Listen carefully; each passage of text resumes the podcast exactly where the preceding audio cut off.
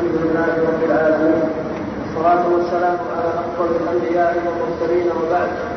قال المؤلف قال المؤلف رحمه الله ومن الصفات التي نطق بها القرآن وصحت بها الأخبار الوجه. قال الله عز وجل كل شيء هالك إلا وجهه. وقال عز وجل ويبقى وجه ربك ذو الجلال والإكرام. بسم الله الرحمن الرحيم. الحمد لله رب العالمين والصلاة والسلام على إمام المرسلين نبينا محمد وعلى آله وأصحابه أجمعين. لما أنهى المصنف رحمه الله الكلام على صفة العلو وذكر بعض أدلتها من كتاب الله وسنة نبيه صلى الله عليه وسلم وذكر بعض الآثار المروية عن السلف. في ذلك انتقل للكلام على صفة أخرى من صفات الرب تبارك وتعالى وهي صفة الوجه. والوجه صفة ذاتية لله جل وعلا ثابتة في الكتاب والسنة. وأدلتها في القرآن والسنة كثيرة جدا. وقد ذكر الوجه في القرآن وفي السنة وأضيف إليه صفات كثيرة صفات لوجه الله تبارك وتعالى مثل النور والسبحات والبصر إلى غير ذلك. فوصف بصفات كثيرة وربما أنه سيمر معنا شيء منها. وأهل السنة رحمهم الله منهجهم في هذه الصفة هو منهجهم في جميع الصفات. يقولون إن لله وجها يليق بجلاله وكماله كما نطق بذلك كتابه وكما صح ذلك عن رسوله صلى الله عليه وسلم. وهم يثبتونه لله على المعنى اللائق به جل وعلا بلا تحريف ولا تعطيل. ولا تكييف ولا تمثيل على حد قوله تعالى ليس كمثله شيء وهو السميع البصير. هذا منهج أهل السنة. أما أهل الأهواء فهم لا يثبتون ذلك بل يتأولونه تأويلات مختلفة ومتنوعة. فمنهم من يقول الوجه الذات. ومنهم من يقول الوجه الثواب. وأقوال أخرى يقولونها في تأويل وجه الله تبارك وتعالى. أشار إلى طرف منها ابن القيم رحمه الله في كتابه الصواعق ثم قال نحن نعوذ بوجه الله من هذه التأويلات. أو كلاما هذا معناه. فتاويلات متكلفة وتحريفات باطلة لكلام الله وكلام رسوله صلى الله عليه وسلم. والوجه في لغة العرب هو مستقبل الشيء وهو في كل شيء بحسب ويضاف إلى الزمان وإلى المكان وإلى الحيوان له إضافات مختلفة. وهو في كل موطن بحسب ما أضيف إليه. على القاعدة المعروفة الإضافة تقتضي التخصيص. فبحسب ما أضيف إليه. فإذا أضيف إلى المسألة مثلا يقال؟ ما وجه هذه المسألة؟ يعني الذي يبدو منها. وجه المسألة مسألة. وعندما يقال وجه النهار يعني أوله. ووجه النهار نهار. يعني هو بحسب ما أضيف إليه. وعندما يقال وجه الإنسان وجه الحيوان إلى غير ذلك. فهو بحسب ما أضيف إليه. فإذا أضيف الوجه إلى من ليس كمثله شيء كان الوجه ليس كمثله وجه. عندما يضاف الوجه إلى من ليس كمثله شيء يكون الوجه خاصا به. لائقا بجلاله وكماله سبحانه وتعالى.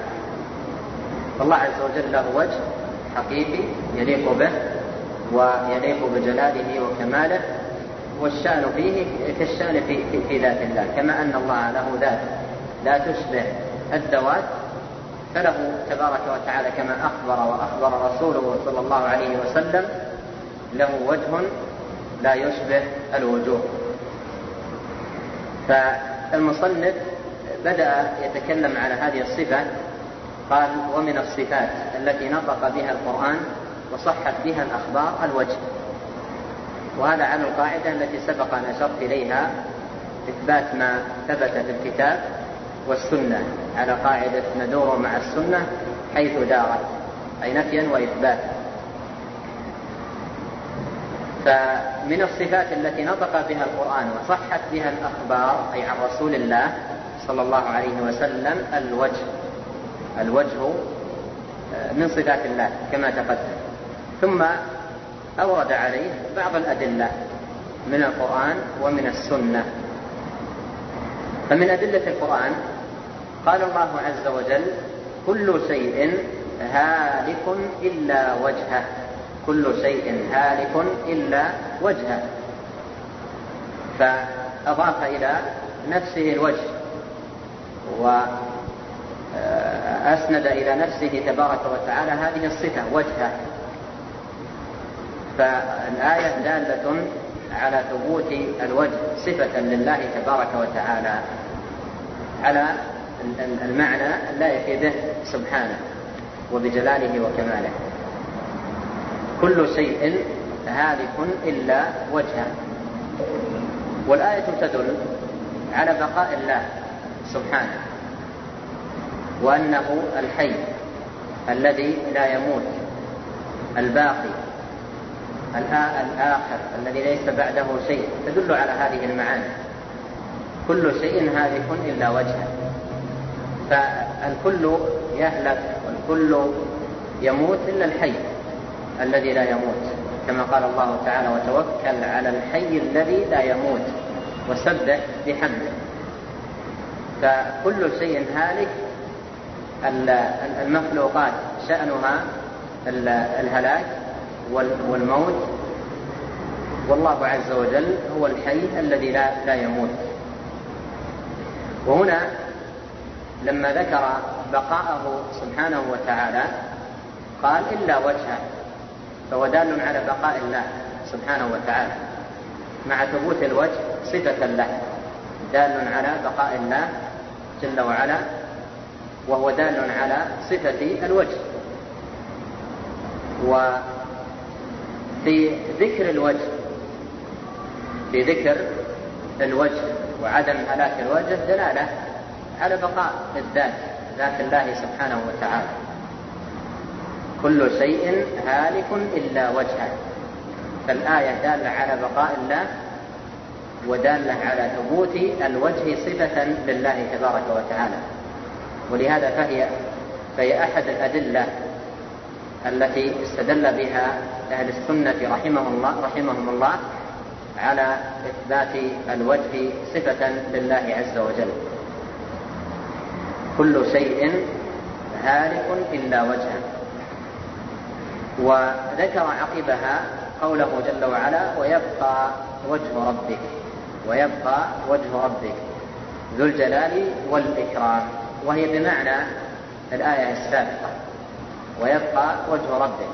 يعني الكل هالك والباقي وجه الله. والباقي وجه الله. وفي ذكر بقاء الوجه دلالة على بقائه سبحانه وتعالى. دلالة على بقائه سبحانه وتعالى. بعض المبتدعة يشوشون على الناس يقولون لو أن أثبت من هذه الآية الوجه للزم من ذلك هلاك الذات تعالى الله عما يقولون لأنها لم لم يستثنى. وهذا من أسوأ الفهم وأقبحه وليس فيه توقير لله تبارك وتعالى ولا تعظيم لكلامه سبحانه. فالآية دلت على ثبوت الوجه صفة له وعلى بقائه سبحانه. وعلى بقائه سبحانه. قال عز وجل ويبقى وجه ربك. آه بعضهم يقول في الوجه هنا وفي الآية التي قبلها إلا وجهه يقولون في الوجه هو صلة. الوجه هنا صلة بمعنى زائد. فيكون المعنى كل شيء هالك إلا هو و ويبقى هو يعني الوجه صلة كأنه يعني بمعنى زائد. وهذه الآية التي هي قوله ويبقى وجه ربك فيها إبطال لقول من يقول إن الوجه صلة. لماذا؟ لأن لأنه لو تأملت لوجدت أن البقاء أضيف إلى الوجه. يبقى وجه ربك. والوجه أضيف إلى الذات إلى الله ويبقى وجه ربك. ثم نعت الوجه وصف. وصف بذو الجلال والإكرام. فقوله ذو الجلال والإكرام هذا صفة للوجه. صفة للوجه. لو كان لو كان صفة لرب لقال تبارك آه، ويبقى وجه ربك ذي الجلال. فكيف يقال في شيء وصف في الآية بأنه زائد؟ كيف يقال في شيء وصف؟ يعني ذكر له صفة. ذكر له صفتان الجلال والإكرام. فكيف يقال هو زائد؟ فالوصف هنا ذو الجلال والإكرام وصف لوجه الرب. تبارك وتعالى. الله جل وعلا وصف وجهه بالجلال والإكرام وفي آيات أخرى وصف نفسه تبارك وتعالى بالجلال والإكرام. والجلال يعطي معنى الكمال والعظمة والإكرام يعطي معنى الحسن والجمال والبهاء. ويبقى وجه ربك ذو الجلال والإكرام. اقتصر المصنف رحمه الله على ذكر آيتين من القرآن في إثبات هذه الصفة وإلا فالآيات في القرآن الدالة على ثبوتها كثيرة. نعم. وروى أبو موسى الأشعري رضي الله عنه عن النبي صلى الله عليه وسلم قال جنات الفردوس أربع ثنتان من ذهب لحجتهما وآنيتهما وما فيهما. وثنتان من فضة لحجتهما وآنيتهما وما فيهما وما بين القوم وبين أن ينظروا إلى ربهم عز وجل إلا رداء الكبرياء على وجهه في جنة عدن. ثم أورد المصنف رحمه الله دليلا على إثبات الوجه صفة لله من السنة هذا الحديث حديث أبي موسى الأشعري رضي الله عنه في ذكر جنات الفردوس. وأن وأن آه، درجات أهل الجنة في الجنة متفاوتة. وأن المنازل متباينة. كما قال الله جل وعلا ولكل درجات مما عمل فالجنة فيها جنات. وهي وهي متفاوتة. ومنازلهم متباينة. يقول عليه الصلاة والسلام في في حديث آخر إن أهل الجنة إن أهل الجنة ليتراءون أهل الغرف كما تراءون أو كما إيه نعم كما تراءون الكوكب الدرية الغابرة في السماء. يتراءون أهل الغرف. أهل الغرف لهم منازل عالية ورفيعة في الجنة. فأهل الجنة ينظرون إليهم مثل ما ننظر إلى النجم الذي في أعلى السماء فوق.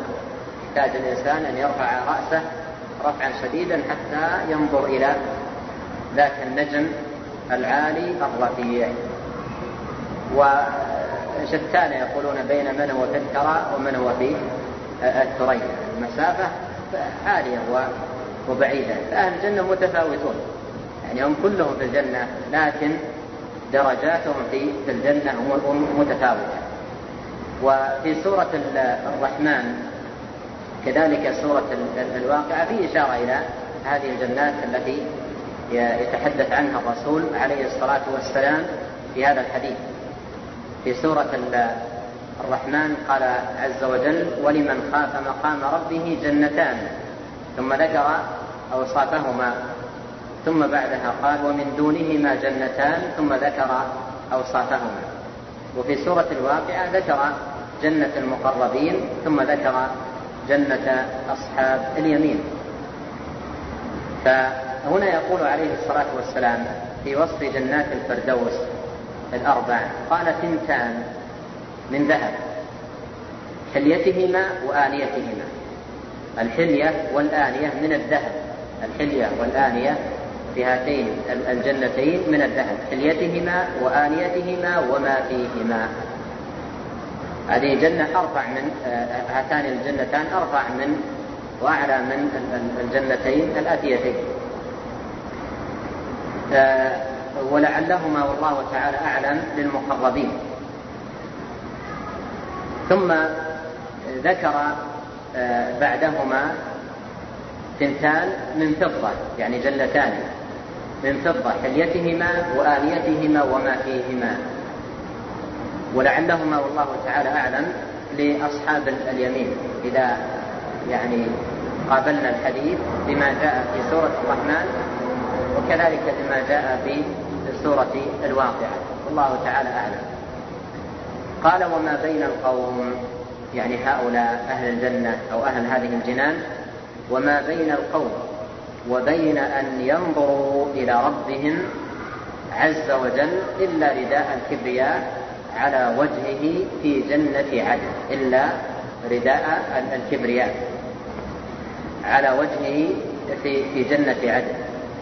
وفي الحديث آه، إثبات الرؤية أن الله عز وجل يرى يوم القيامة يراه المؤمنون عيانا بأبصارهم حقيقة يرونه تبارك وتعالى ورؤيتهم له هي أكمل نعيم وأعظم نعيم. وفيها صفة الكبرياء لله عز وجل كما في الحديث الآخر العظمة ردائي العز ردائي والإيش العز إزاري والكبرياء ردائي أو كما قال عليه الصلاة والسلام إلا رداء الكبرياء على وجهه في جنة عدن الشاهد على وجهه الشاهد هو قوله على وجهه فيه إثبات الوجه صفة لله عز وجل. ومن دعاء من أدعية النبي عليه الصلاة والسلام اللهم إني أسألك لذة النظر إلى وجهك والشوق إلى لقائك في غير ضراء مضرة ولا فتنة مضلة. نعم. وروى أبو موسى قال قام فينا رسول الله صلى الله عليه وسلم باربع فقال إن الله لا ينام ولا ينبغي له أن ينام يخفض القسط ويرفعه يرفع إليه عمل الليل قبل النهار وعمل النهار قبل الليل حجاب النار لو كشفها لأحرقت سبحات وجهه كل شيء. كل شيء ادركه بصره ثم قرأ أم بورك من في النار ومن حولها رواه مسلم. ثم أورد الإمام البخاري الإمام الحافظ عبد الغني المقدسي رحمه الله حديث أبي موسى أيضا أبي موسى الأشعري رضي الله عنه. قال قام فينا رسول الله صلى الله عليه وسلم بأربع أي بأربع كلمات. أي بأربع كلمات. قام فينا أي قام فينا بذكر هذه الكلمات الأربع. بدأها بقوله إن الله لا ينام ولا ينبغي له أن ينام. لا ينام ولا ينبغي له أن ينام. وذكر هنا من الصفات التي ينزه الله تبارك وتعالى عنها وهو النوم لا ينام. فالله جل وعلا منزه عن النوم. قد مر معنا فيما سبق أن أهل السنة منهجهم في الصفات إثبات ما ثبت في الكتاب والسنة ونفي ما نفي فيهما عن الله. فهنا نفى الرسول صلى الله عليه وسلم عن ربه النوم قال لا ينام. وهو نظير قول الله جل وعلا الله لا إله إلا هو الحي القيوم لا تأخذه سنة ولا نوم. فهو منزه عنه. لكمال حياته وقيوميته. وأهل السنة لهم قاعدة معروفة في الصفات المنفية مثل النوم والسنة والولد واللغوب والظلم ونحو ذلك. لهم قاعدة في الصفات المنفية يعني الصفات التي نفاها الله تبارك وتعالى عن نفسه وهي أن آه، أن ما ينفى عن الله أو النفي الوارد في صفات الله ليس نفيا صرفا ليس نفيا صرفا وإنما هو نفي متضمن إثبات كمال ضد المنفي لله جل وعلا وإنما هو نفي متضمن إثبات كمال ضد المنفي لله تبارك وتعالى. فالنفي الصرف الذي لا يتضمن معنى ثبوتي لا يتضمن معنى ثبوتي ليس بمدح فقد ينفى الشيء عن الإنسان لعجزه عنه. قد ينفى عنه الشيء لعجزه عنه. قد ينفى عن الإنسان الظلم والاعتداء لعجزه. واحد عاجز ما عنده قدرة. ضعيف. فيقول يقول عنه قائل فلان لا يقدر. هو ما ما يقدر. يعني أصلا مثل ما قال رجل يذم قبيلته. قال قبيلة لا يغدرون الناس بذمة ولا يظلمون الناس حبة خردل. هو أراد أن يعبر عن ضعف قبيلته. وأنها قبيلة ضعيفة وليس عندها قدرة ولا قوة على حمل السلاح ومقاومة الناس و... فأراد أن يذمهم قال قبيلة تصير لهم. لا يظلمون. لا يغدرون الناس ولا يظلمون الناس لا يغدرون الناس بذمة ولا ولا يظلمون الناس حبة خردل. ما يظلمون الناس ولا حبة خردل. هو يقصد وما أراد أن يمدحهم بقوله لا يظلمون. وإنما أراد ماذا؟ أراد أن يذمهم. يعني يريد أن يعبر عن عجزهم بهذا الوصف. فلعل هذا من قبيل ما يقال المدح الذي مدح ذم بما يشبه المدح. ذم بما يشبه المدح. ويذم قبيلته. يذم قبيلته بهذا. لاحظ هنا سؤال أطرحه يوضح لنا الموضوع. لماذا كان قول هذا الشاعر لا يظلمون ولا يغدرون؟ لماذا كان قوله هذا ذما وليس مدحا؟ لأنه لم يقصد فيه إثبات كمال أو إثبات معنى ثبوتي لهؤلاء الذين تحدث عنهم. فالنفي إذا لم يتضمن معنى ثبوتي لا يكون مدحا. النفي إذا لم يتضمن معنى ثبوتي لا يكون مدحا. فهنا قوله لا ينام. فالنفي هنا ليس صرفا بل هو متضمن إثبات كمال الضد. وهو كمال الحياة وكمال الحي... وكمال القيومية.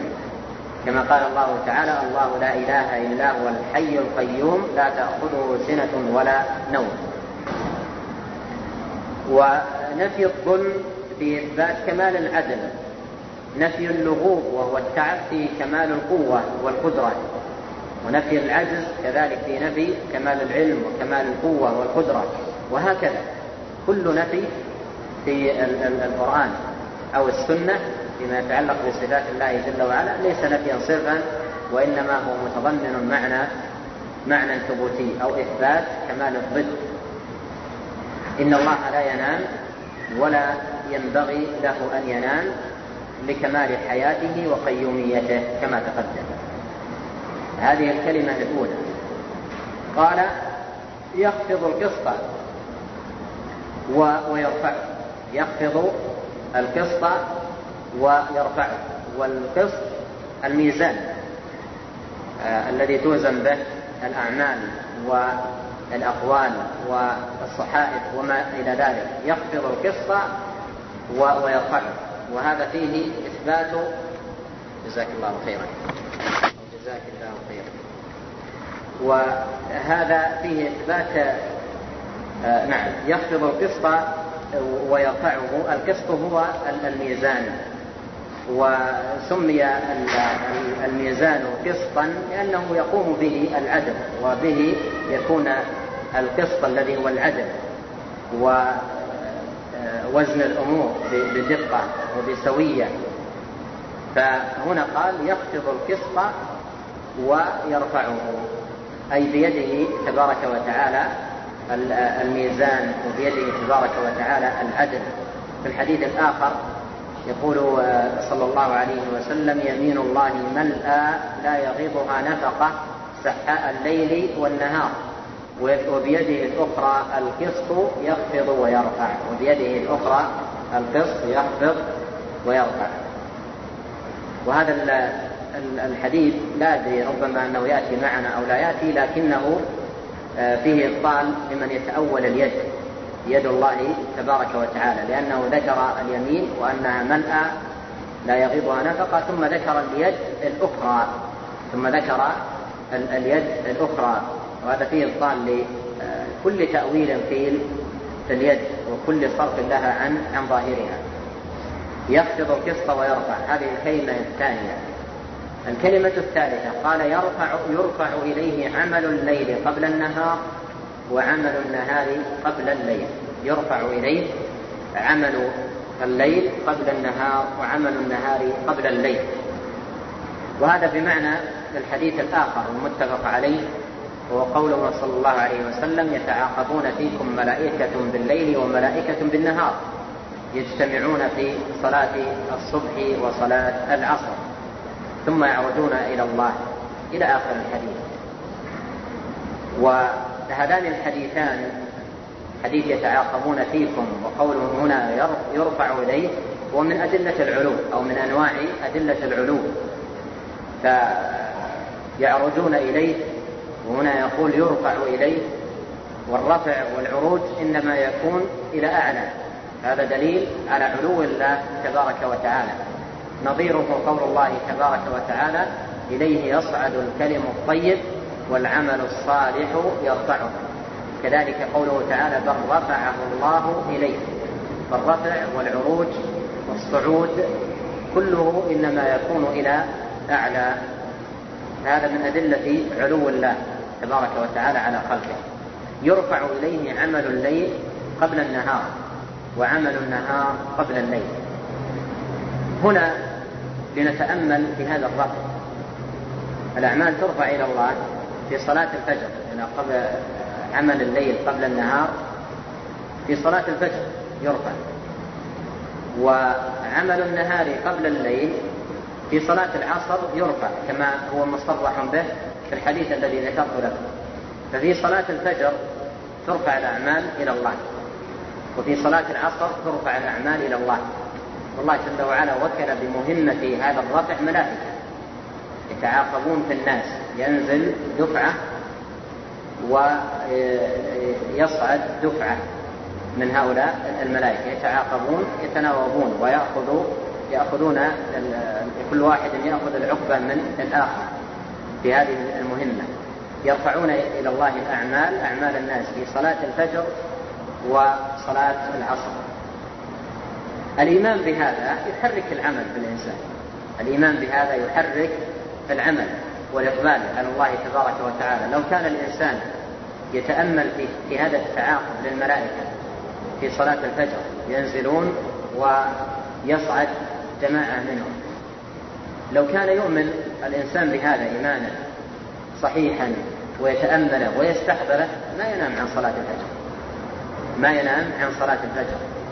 بل يقبل على الطاعات ويجتهد فيها حتى ترفع الأعمال إلى الله عز وجل وكتب فيها عنه خيرا. فكيف يليق بإنسان يعلم أن الملائكة يعرجون إلى الله ويخبرونه بحال الناس وهو أعلم بهم لكن اقتضت حكمته ذلك؟ كيف يليق بالإنسان وهو يعلم ذلك أن ينام عن صلاة الفجر ثم تصعد الملائكة وتخبر عنه بهذه الحال التضييع والتفريط والإضاعة لما أمره الله تبارك وتعالى به وما أوجبه عليه. وبالمناسبة ينبغي على طلبة العلم عند دراسة العقيدة أن يراعوا هذا الجانب أن يراعوا هذا الجانب وتتأمل في مثل هذه الجوانب وتجتهد في أن تحرك فيك تقصيرا ما منا إلا وهو مقصر في في جوانب. فمثل هذه الأمور إذا أحسن الإنسان في تأملها واستحضارها ومذاكرتها فإنها بإذن الله تبارك وتعالى يكون لها الأثر عليه وعلى سلوكه وعمله وإقباله على طاعة ربه تبارك وتعالى. هذه الكلمة الثالثة. الكلمة الرابعة قال حجابه النور. قال حجابه النور لو كشفه لأحرقت سبحات وجهه كل شيء أدركه بصره. حجابه حجابه النار. وفي بعض الفاظ الحديث حجابه النور. ولعل هذا تردد من يعني بعض الرواة. ففي بعض الألفاظ حجابه النور وفي في بعضها حجابه النار. وابن القيم رحمه الله ذكر كلاما في كتابه الصواعق مفاده أن الحجاب نار وهي نور. وذكر أن النار أقسام منها ما فيه إشراق بلا إحراق. وهو الذي بهذا المعنى فحجابه النور أو النار كلاهما يؤديان إلى معنى واحد. قال حجابه النور أو النار لو كشفه إذا قلنا النار لو كشفها وفي الرواية الأخرى حجابه النور لو كشفه أي النور لأحرقت سبحات وجهه لأحرقت سبحات وجهه. وسبحات الوجه. هذه جمع سبحة وهي البهاء والحسن والجمال. لأحرقت سبحات وجهه أي جمال الوجه وحسنه وبهاؤه. تبارك الله سبحان الله. لأحرقت سبحات وجهه ما انتهى إليه بصره من خلقه.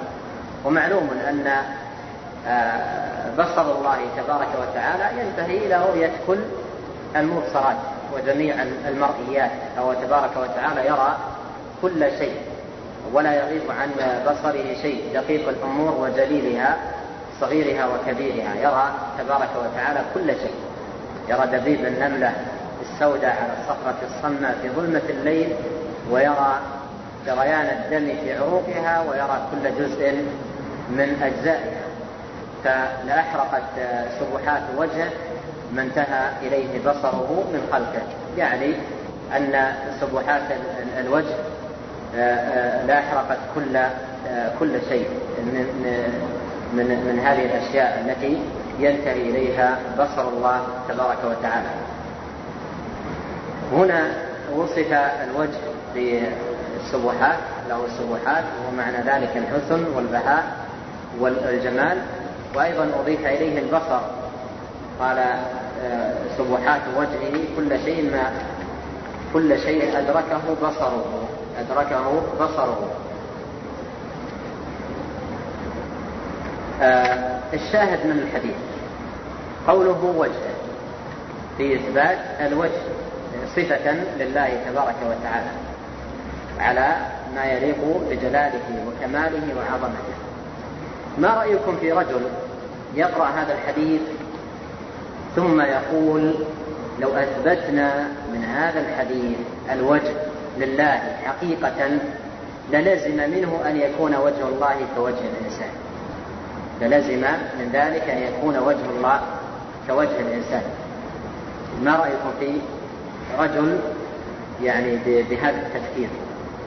يقرأ مثل هذا الحديث ثم يخرج منه بمثل هذه النتيجة. هل لما يقرأ المسلم هذا الحديث ويفهمه ويتأمل في عظمته وجلاله وكماله يخطر في قلبه وجه الإنسان؟ هل يخطر بالله؟ أخبروني. يخطر بالله يعني الوجه الذي وجه الإنسان؟ يعني إنسان عاقل ويفهم يفهم الكلام ويتأمل هذه الصفات العظيمة لوجه الله تبارك وتعالى. هل هناك عاقل عنده شيء من العقل يقرأ هذا الحديث ثم يخطر بباله وجه الإنسان؟ فهذا يبين لكم تفاهة العقول ومرض الصدور. هؤلاء صدورهم مريضة وعقولهم تافهة. وهل أجهل جهلا وأضل عقلا؟ المصنف مر معنا كلامه في هذا المعنى. فالذي يعني يصل إلى هذا المستوى ما أجهل منه. ولا أضل عقلا منه ولا أضل عن سواء السبيل منه. كيف يخطر ببال الإنسان وهو يقرأ هذا الحديث الذي فيه بيان عظمة وجه الله وجلاله وكماله ثم يقول بكل حماقة ووقاحة وتفاهة لو أثبتنا لله وجها حقيقيا للزم من ذلك أن يكون كوجه الإنسان. وعامة المبتدعة الذين يؤولون الوجه يقولون هذا الكلام. وهذا الذي أذكره لكم الآن يبين لكم مستوى عقول هؤلاء في فهم كلام الله وكلام رسوله صلى الله عليه وسلم. نظير ذلك في اليد. يقولون لو أثبتنا لله اليد حقيقة للزم أن تكون مثل أيدينا. من يقرأ قول الله وما قدر الله حق قدره والأرض جميعا قبضته يوم القيامة والسماوات مطويات بيمينه. كيف يخطر بباله هذه اليد؟ كيف يخطر بباله هذه اليد؟ إلا إذا كان يعني أجهل الناس وأذهبهم عقلا وأقلهم بصيرة وأضلهم عن سواء السبيل. وإلا ما يخطر بالبال أبدا. وسبب التأويل هو هذا الفهم. يعني لا يفهمون المعطل والمؤول. هذه الأحاديث لما يقرؤونها لا يفهمون منها إلا هذا الذي في الشاهد. يعني مثلا هنا سبحات وجهه يقولون نحن لا نعقل وجها إلا ما نراه في الشاهد. لا نعقل وجها إلا ما نراه في الشاهد. فحصل منهم قياس لوجه الله تبارك وتعالى العظيم بوجه الإنسان. فبنوا عليه تعطيل صفة الوجه أو تأويلها أو تفويض معناها لله.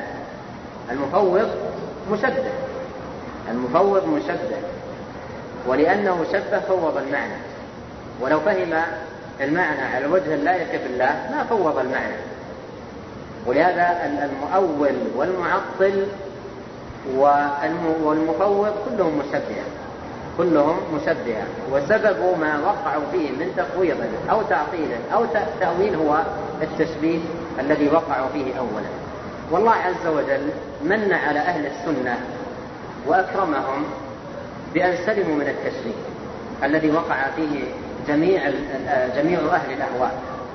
فلما سلموا من التشبيه سلم لهم المعتقد. والتشبيه يعني كل من خالف أهل السنة واقع فيه. كل من خالف أهل السنة واقع فيه وهو سبب البلاء. يعني في في البلاء المنتشر والضلال الواقع فيما يتعلق بالصفات سببه الرئيس هو التشبيه.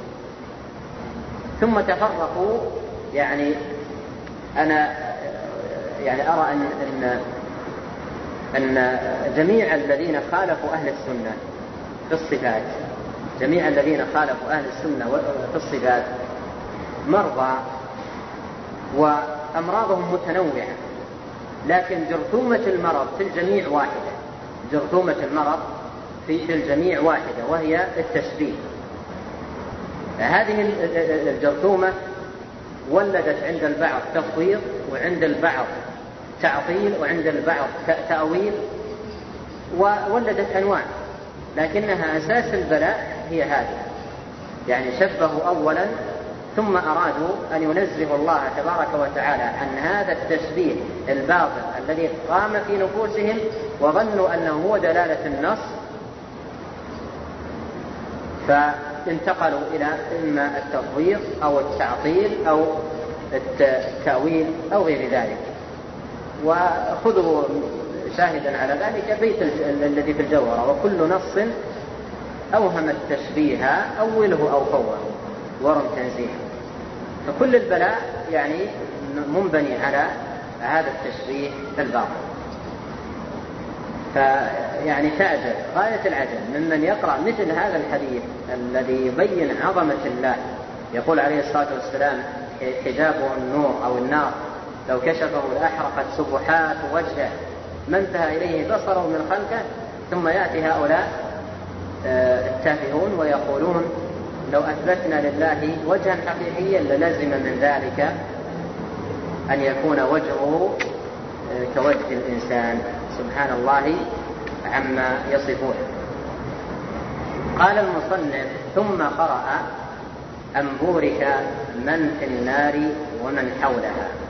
الآية في سورة النمل ونودي آه، أن بورك من في النار ومن حولها وسبحان الله رب العالمين. نودي موسى عليه السلام والذي ناداه هو الله تبارك وتعالى. آه، هنا قال ثم قرأ. آه، من يقرأ الحديث على هذا السياق الذي ذكره المصنف يظن أو لا يخطر بباله إلا أن الذي قرأ هذه الآية هو الرسول عليه الصلاة والسلام عقب ذكره لهذه الكلمات الأربع. وراجعت الحديث في بعض مصادر التخريج. ففي صحيح مسلم ذكره آه، من طريقين أو أكثر وانتهى الحديث عنده على الكلمات الأربع بدون ثم قرأ. مع أن المصنف رحمه الله أحال الحديث بهذه الزيادة إلى مسلم وهي ليست في مسلم ثم قرأ أن بورك من في النار ومن حولها هذه ليست في مسلم وإنما هي في بعض مصادر التخريج الأخرى مثل مسند الإمام أحمد وصحيح ابن حبان ومصادر أخرى للتخريج. وثم قرأ في في مصادر التخريج. أنا وقفت على أكثر من مصدر في مصادر التخريج التي وقفت عليها. ثم قرأ أبو عبيدة. ثم قرأ أبو عبيدة.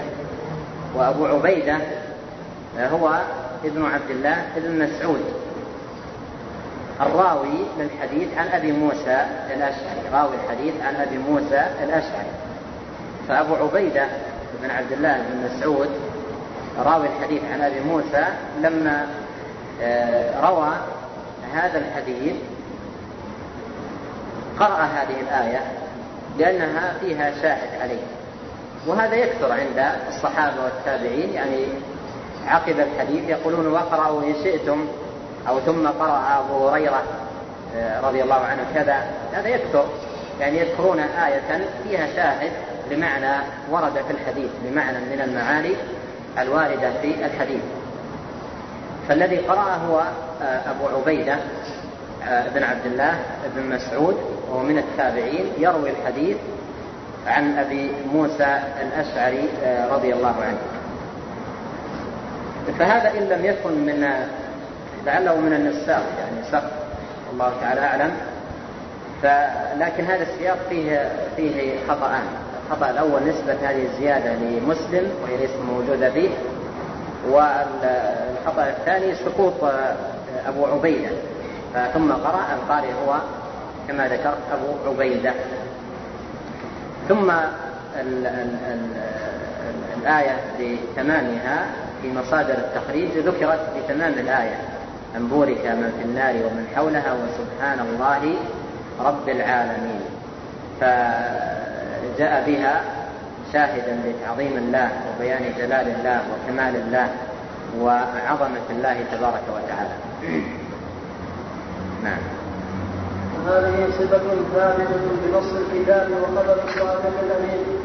فيجب الإقرار بها والتسليم كسائر الصفات الثابتة كسائر الصفات الثابتة بواضح الدلالات. ثم ختم المصنف رحمه الله الكلام على هذه الصفة بقوله فهذه صفة هذه الإشارة إلى صفة الوجه التي مر بعض أدلتها ثابتة بنص الكتاب يعني كما مر بعض الأدلة من الكتاب على ذلك وخبر الصادق الأمين كما مر آه، بعض الأحاديث الدالة على ذلك. قال فيجب الإقرار بها يجب الإقرار بها يجب على كل مسلم أن يقر بمدلول هذه الآيات وهذه الأحاديث وهو أن لله تبارك وتعالى وجها يليق بجلاله وكماله سبحانه. فيجب الإقرار بها والتسليم كسائر كسائر الصفات الثابتة. هذا الكلام فيه إشارة إلى قاعدة معروفة عند أهل السنة في باب الصفات وهي أن باب الصفات واحد. والقول فيها واحد. القول في بعض الصفات كالقول في البعض الآخر. فالقول في الوجه هو كالقول في سائر الصفات.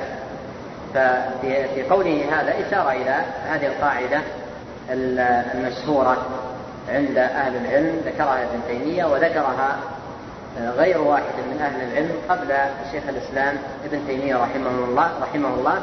ومنهم الإمام الحافظ عبد الغني في سياقه هذا إشارة واضحة لهذه القاعدة فيجب الإقرار بها والتسليم كسائر الصفات يعني أن القول في الصفات واحد والباب واحد. تثبت كلها لله تبارك وتعالى على الوجه اللائق بجلاله وكماله. فيجب الإقرار بها والتسليم كسائر الصفات الثابتة بواضح الدلالات. إذا ثبتت الصفة بدليل واضح ليس أمام المسلم إلا التسليم والإقرار.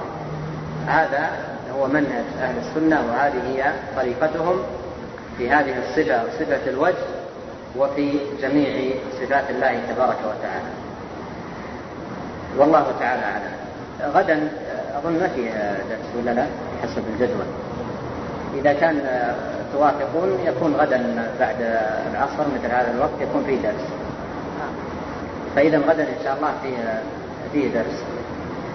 مر معنا في الدروس الماضية قول الله تبارك وتعالى فيما يتعلق بالعرش بالعرش المجيد. فكان بعض الإخوة يسأل لأن أهل العلم استدلوا بهذا الحديث أو بهذه الآية على أن المجيد فيه صفة للعرش فكأن بعض الإخوة رجعوا إلى المصحف فوجدوا أن المجيد عليها ضمة فالمجيد هنا صفة للرفع لكن كما ذكر ابن كثير وغيره في تفسير هذه الآية أن فيها قراءتين. قراءة بالرفع المجيد فيكون صفة لله وقراءة بالخفض فيكون صفة للعرش والعرش المجيد فيكون المجيد صفة للعرش.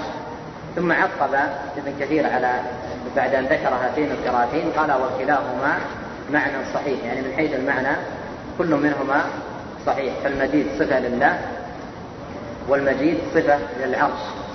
والمجد المجيد دال على المجد. والمجد في لغة العرب هذه الكلمة تعطي معنى السعة تعطي معنى السعة تقول العرب أمجد الناقة علفا يعني أوسع لها وأكثر لها العلف ويقولون في كل الشجر نار واستمجد المرخ والعفار المرخ والعفار نوعان من الشجر.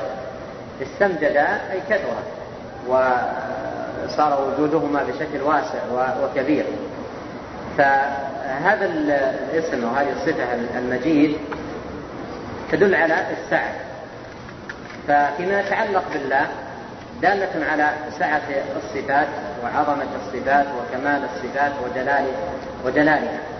ولهذا ابن القيم رحمه الله نبه على قاعدة مفيدة فيما يتعلق بأسماء الله أن منها ما يدل على صفة واحدة مثل السميع السمع البصير البصر الرحيم الرحمة. ومنها ما يدل على أكثر من صفة. مثل السيد والعظيم والمجيد. فالمجيد هذا يدل على آه، صفات آه، كثيرة. نبه رحمه الله على هذه القاعدة في كتابه بدائع الفوائد في كتابه بدائع الفوائد.